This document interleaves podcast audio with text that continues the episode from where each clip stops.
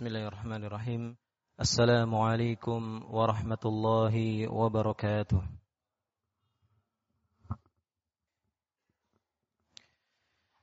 إن الحمد لله نحمده ونستعينه ونستغفره ونتوب إليه ونعوذ بالله من شرور أنفسنا ومن سيئات أعمالنا من يهده الله فلا مضل له ومن يضلل فلا هادي له. أشهد أن لا إله إلا الله وحده لا شريك له وأشهد أن محمدا عبده ورسوله صلى الله عليه وعلى آله وأصحابه ومن تبعهم بإحسان إلى يوم الدين. قال الله تبارك وتعالى يا أيها الناس اتقوا ربكم الذي خلقكم من نفس واحدة وخلق منها زوجها وبث منهما رجالا كثيرا ونساء واتقوا الله الذي تساءلون به والأرحام إن الله كان عليكم رقيبا. يا أيها الذين آمنوا اتقوا الله وقولوا قولا سديدا. يصلح لكم أعمالكم ويغفر لكم ذنوبكم ومن يطع الله ورسوله فقد فاز فوزا عظيما.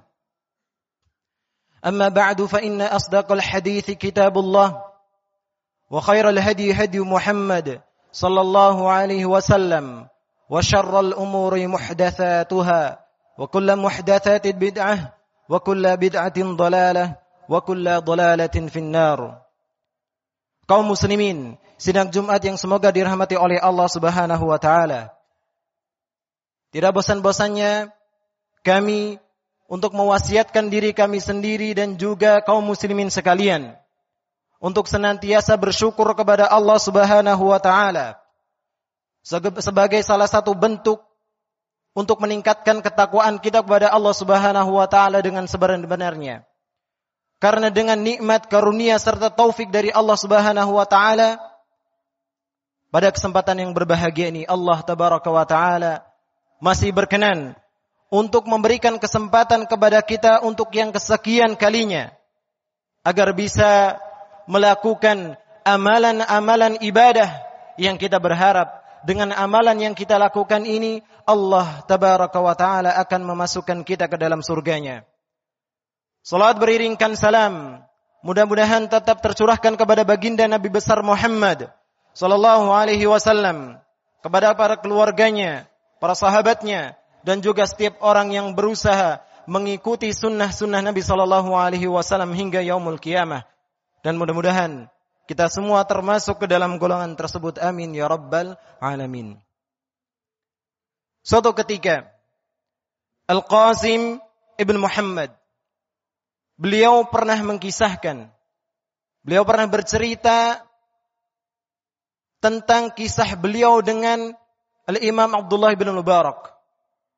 Suatu ketika beliau merasa heran dan juga penasaran terhadap Abdullah ibn Mubarak yang berada di dalam diri beliau yaitu Al-Qasim bin Muhammad. Penasaran beliau terhadap Ibnu Mubarak adalah bagaimana apa perbedaan antara dia dan diriku. Apa perbedaan antara Abdullah ibn Mubarak dan juga kami. Sehingga kata beliau, Abdullah ibn Mubarak, Allah subhanahu wa ta'ala jadikan beliau diterima di sisi manusia ketika itu. Maka, suatu ketika Al-Qasim ibn Muhammad ini melakukan perjalanan bersama Abdullah ibn Mubarak. Di dalam hati beliau, beliau penuh dengan pertanyaan. Beliau mengatakan, kalau seandainya Abdullah ibn Mubarak ini salat, in kana yusalli, inna lanusalli, fa inna lanusalli. Kalau seandainya Abdullah ibn Mubarak ini salat, wa in kana yasumu, inna lanusumu. Kalau seandainya Abdullah ibn Mubarak berpuasa, kami juga berpuasa. Wa in kana yaghzu fa inna lanaghzu. Dan kami juga berperang sebagaimana Abdullah ibn Mubarak juga ikut berperang. Wa in kana yahuj inna lanahuj. Sebagaimana Ibnu Abdullah ibn Mubarak melakukan ibadah haji, kami juga melakukannya. Lantas apa sebenarnya perbedaan antara kami dengan dia? Maka satu ketika, tatkala beliau berjalan bersama, bersama Abdullah ibn Mubarak menuju Syam, di satu malam, tatkala itu beliau sedang makan malam bersama Abdullah ibn Mubarak. Maka tiba-tiba lampu yang mereka gunakan untuk menerangi ketika itu padam. Maka seketika itu salah seorang di antara mereka keluar untuk menyalakan kembali lampu yang padam tersebut. Maka tatkala lampu itu telah dinyalakan, fanadhartu ila wajhi, maka beliau pun melihat kepada wajah Abdullah ibn Mubarak. Lantas apa yang terjadi? Tatkala beliau melihat wajahnya, beliau mendapati janggutnya telah basah dengan air mata. Maka beliau pun faham. Fakultu fi nafsi bihadhil khasyah kata beliau. Maka aku faham dan aku katakan kepada diriku sendiri dengan rasa takut inilah Abdullah ibnu Mubarak Allah Subhanahu wa taala angkat. Dengan rasa takut inilah Allah Subhanahu wa taala jadikan Abdullah ibnu Mubarak menjadi orang yang diterima di sisi manusia ketika itu. Bagaimana tidak? tatkala lampu padam, beliau pun berkata kepada diri beliau sendiri yaitu Muhammad Al-Qasim bin Muhammad, mungkin tatkala lampu padam Abdullah ibn Mubarak teringat dengan gelapnya hari kiamat. Maka beliau pun menangis ketika itu. Kaum muslimin, sidang Jumat yang semoga dirahmati oleh Allah Subhanahu wa taala. Inilah potret dari seorang ulama yang benar-benar mengamalkan ilmunya, yaitu Abdullah ibn Mubarak yang dikatakan oleh Abu yang, dikatakan oleh Abu Usamah huwa amirul mu'minin fil hadis. Abdullah ibn Mubarak adalah amirul mu'minin. Pemimpinnya ulama ahli hadis tatkala itu. Yang Al-Imam Ahmad bin Hanbal rahimahullahu taala pernah mengatakan, "Lam yakun fi zaman Ibn al-Mubarak atlabu lil ilmi minhu." Tidak ada di zaman di zamannya Abdullah ibn Mubarak orang yang paling giat dalam menuntut ilmu dibandingkan Abdullah ibn Mubarak. Bagaimana tidak? Abdullah ibn Mubarak sendiri pernah mengatakan bahwasanya beliau pernah belajar dari 4000 guru.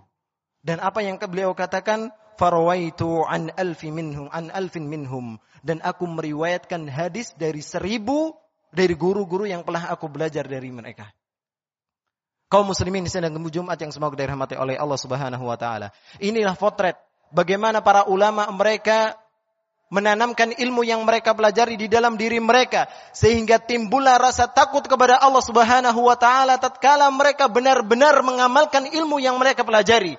Dan itulah yang dikatakan oleh Allah Subhanahu wa taala di dalam Al-Qur'anul Karim. Tatkala Allah Subhanahu wa taala memberikan mengisahkan salah satu hal yang spesial pada diri ulama yaitu Allah Subhanahu wa taala berfirman di dalam surat Fatir, "Innama yakhsyallaha min ibadihil ulama." Sesungguhnya orang yang bisa takut kepada Allah Subhanahu wa taala hanyalah para ulama di antara hamba-hamba Allah Subhanahu wa taala. Sa'id bin Jubair beliau pernah mengatakan, "Al-khasyah hiya allati tahulu bainaka wa baina azza wa jalla." Beliau pernah mengatakan khasyatullah, takut kepada Allah Subhanahu wa taala adalah hal yang bisa membentengi antara dirimu dengan maksiat kepada Allah Subhanahu wa taala. Sehingga beliau ingin menerangkan setelah dan ini ditafsirkan oleh Alimah Ibnu Katsir rahimahullahu taala. Beliau menukil perkataan Sa'id bin Jubair rahimahullahu taala.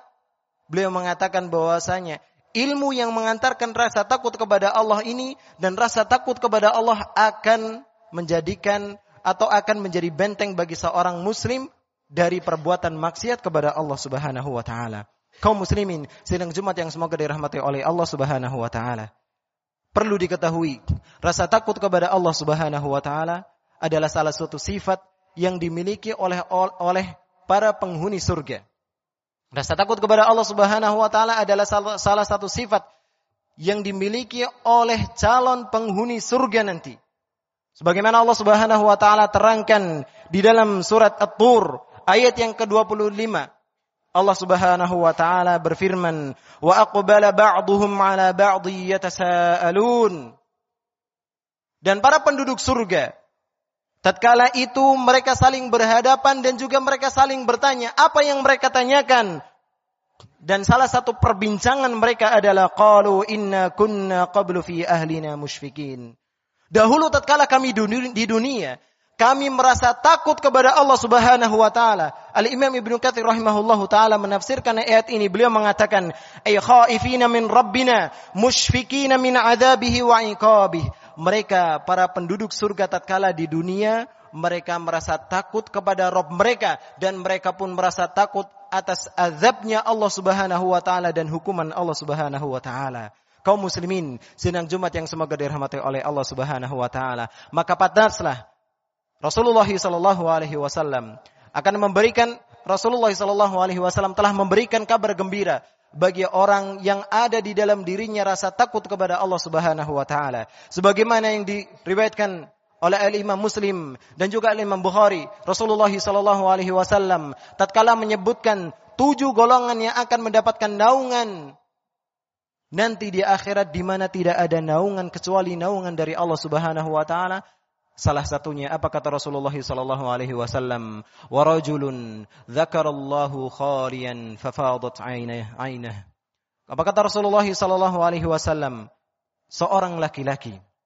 Ini salah satu orang atau seseorang yang akan mendapatkan naungan salah satu golongan yang akan mendapatkan naungan dari Allah Subhanahu wa taala nanti di akhirat tatkala tidak ada naungan lagi kecuali naungan dari Allah Subhanahu wa taala. Apa kata Rasulullah sallallahu alaihi wasallam dan seseorang yang mereka mengingat Allah Subhanahu wa taala tatkala mereka sendiri? Fafadat ainah. Kemudian air mata mereka berkucuran. Alias mereka menangis karena takut kepada Allah Subhanahu wa taala.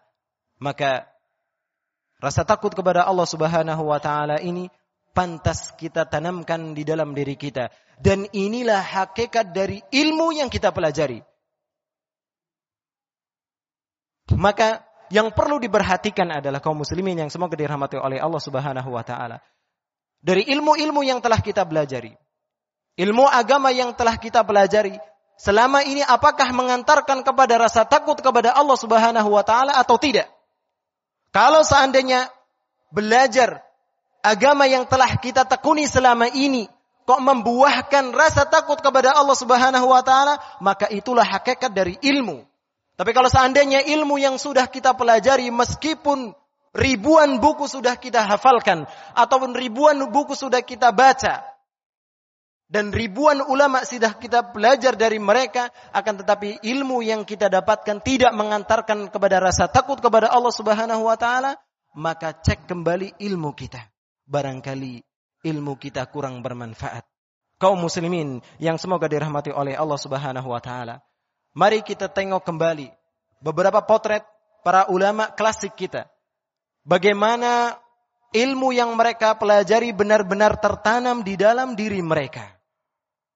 Atta Al-Khaffaf rahimahullahu taala beliau pernah menceritakan Malakitu thawri illa bakian beliau pernah menceritakan tentang perjumpaan beliau dengan Al-Imam Sufyan Ats-Tsauri. Beliau mengatakan malakitu tsauri illa bakian. Setiap kali saya menemui Imam Sufyan Ats-Tsauri, pasti beliau dalam kondisi tengah menangis. Fakult maka aku pun bertanya kepada Imam Ats-Tsauri tersebut. Ma sya'nuk? Apa yang terjadi padamu? Sebenarnya ada apa denganmu wahai imam? Qal akhafu an akuna fi ummil kitab syakiyan. Beliau mengatakan sesungguhnya aku khawatir, aku takut kalau seandainya yang dicatat di Lauhul Mahfuz, yang dicatat di kitab takdir yang telah Allah Subhanahu wa taala catat, ternyata aku adalah orang yang merugi. Karena beliau takut beliau ter, ter, termasuk ke dalam orang yang merugi, maka beliau pun menangis ketika itu.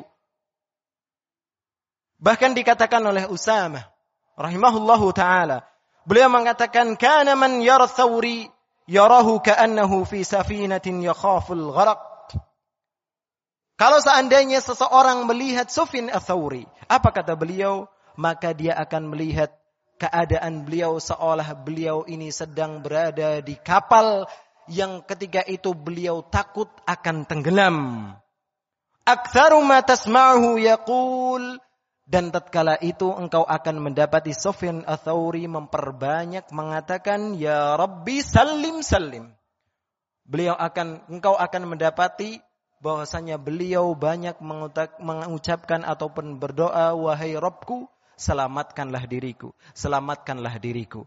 Ini keadaan Sufyan Atsauri rahimahullahu taala dan juga masih banyak keadaan-keadaan ulama kita terdahulu yang mereka benar-benar mengamalkan ilmu yang mereka miliki, ilmu yang mereka pelajari benar-benar berbekas di dalam diri mereka sehingga mengantarkan kepada rasa takut kepada Allah Subhanahu wa taala. Hada أقول قولي هذا وأستغفر الله لي ولكم ولسائر المسلمين والمسلمات من كل ذنب فاستغفروه إنه هو الغفور الرحيم.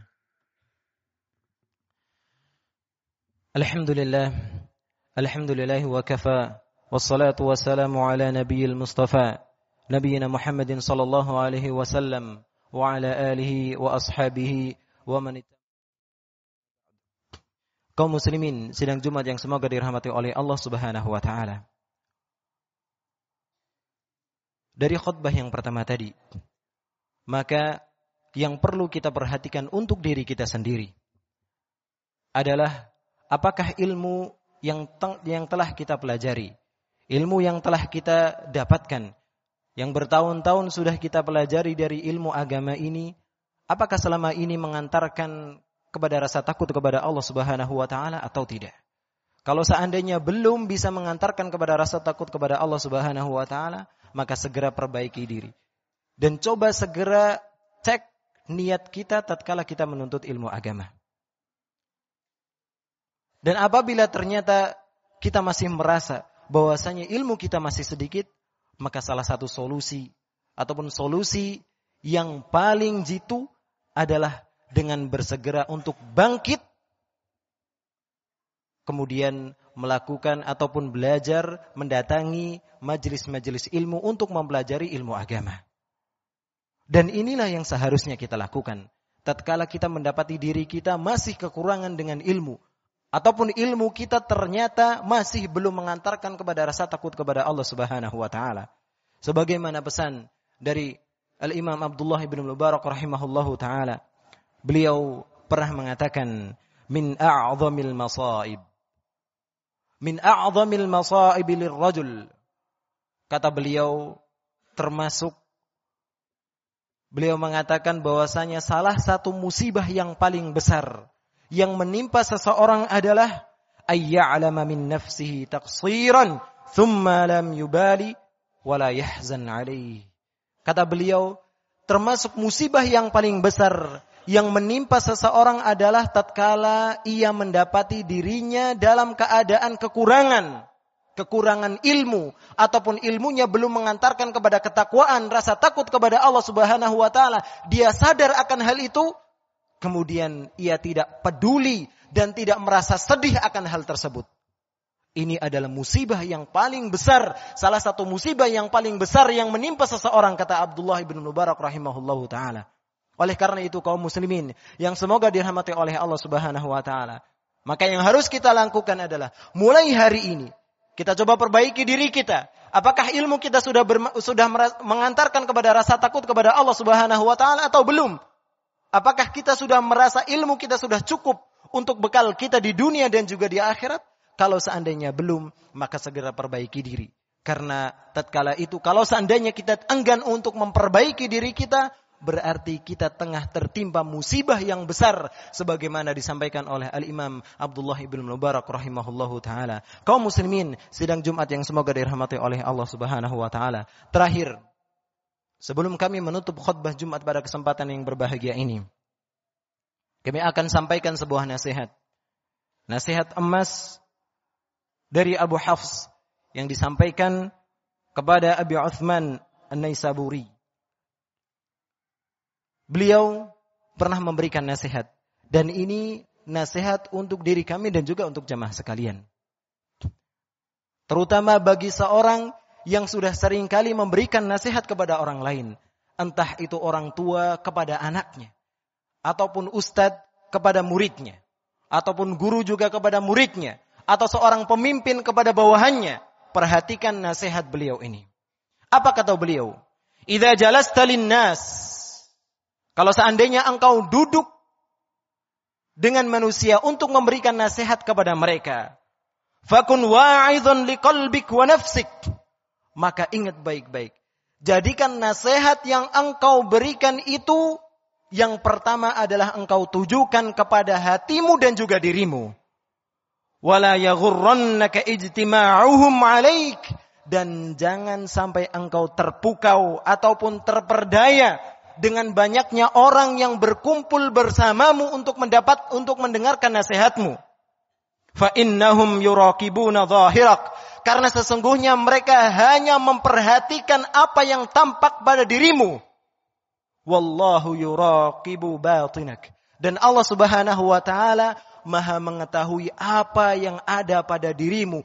Allah Subhanahu wa taala maha mengetahui apa hakikat yang ada pada dirimu dan apa yang apa yang berada pada hatimu kaum muslimin sidang Jumat yang semoga dirahmati oleh Allah Subhanahu wa taala. Kalau seandainya kita mengamalkan nasihat emas ini yaitu tatkala kita ingin memberikan nasihat kepada orang tatkala kita ingin memberikan nasihat kepada istri kita, kepada anak kita, kepada murid kita yang pertama kali kita tanamkan adalah nasihat ini untuk diri saya. Nasihat ini untuk diri saya, kemudian untuk orang lain. Maka kalau seandainya kita mengamalkan nasihat ini, maka insya Allah mudah-mudahan Allah Subhanahu wa taala akan menjadikan kita orang-orang yang baik di sisi Allah Subhanahu wa taala.